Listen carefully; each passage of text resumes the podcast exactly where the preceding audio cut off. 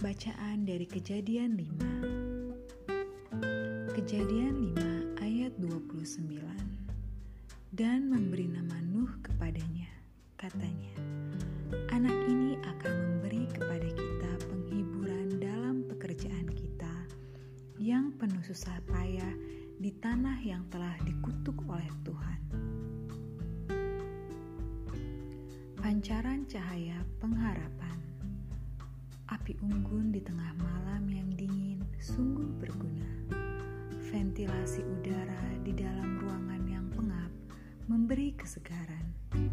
Cahaya lilin di tengah kegelapan menghadirkan kelegaan dan ketenangan.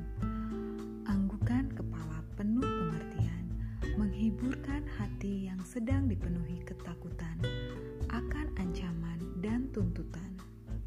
Ya, di tengah situasi masing-masing, semuanya menghadirkan perbedaan dan memberi penghiburan, bukan? Ucapan Lamek tentang putranya bukan sekadar harapan seorang ayah terhadap anaknya, melainkan gambaran akan masa depan anak itu. Kelak, Nuh memang akan hidup berbeda dengan masyarakat sejamannya ia disebut memiliki kasih karunia di mata Tuhan dan seorang yang benar dan tidak bercela di antara orang-orang sejamannya. Dan Nuh itu hidup bergaul dengan Allah. Di tengah-tengah bumi yang rusak dan terhukum, Nuh terpilih untuk hidup bersinar. Bahkan, ia menahkodai bahtera yang menjadi sarana kelepasan dari bencana semesta. Tak heran, namanya terkait dengan perannya yang memberi penghiburan bagi kaum sejamannya. Tuhan menciptakan kita bukan untuk sekedar meniru apa yang dilakukan oleh semua orang.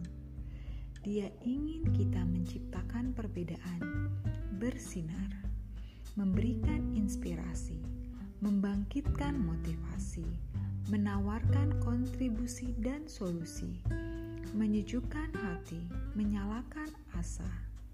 Jangan malah menambah keruh dan pekat dunia yang sudah kenyang kebobrokan dan kesusahan ini. Siapakah orang yang hari ini akan terhidup, terhibur karena perjumpaannya dengan Anda dan saya? Inti renungan kita hari ini adalah setiap kita diciptakan unik agar keunikan itu memancar sebagai cahaya pengharapan bagi sekitar.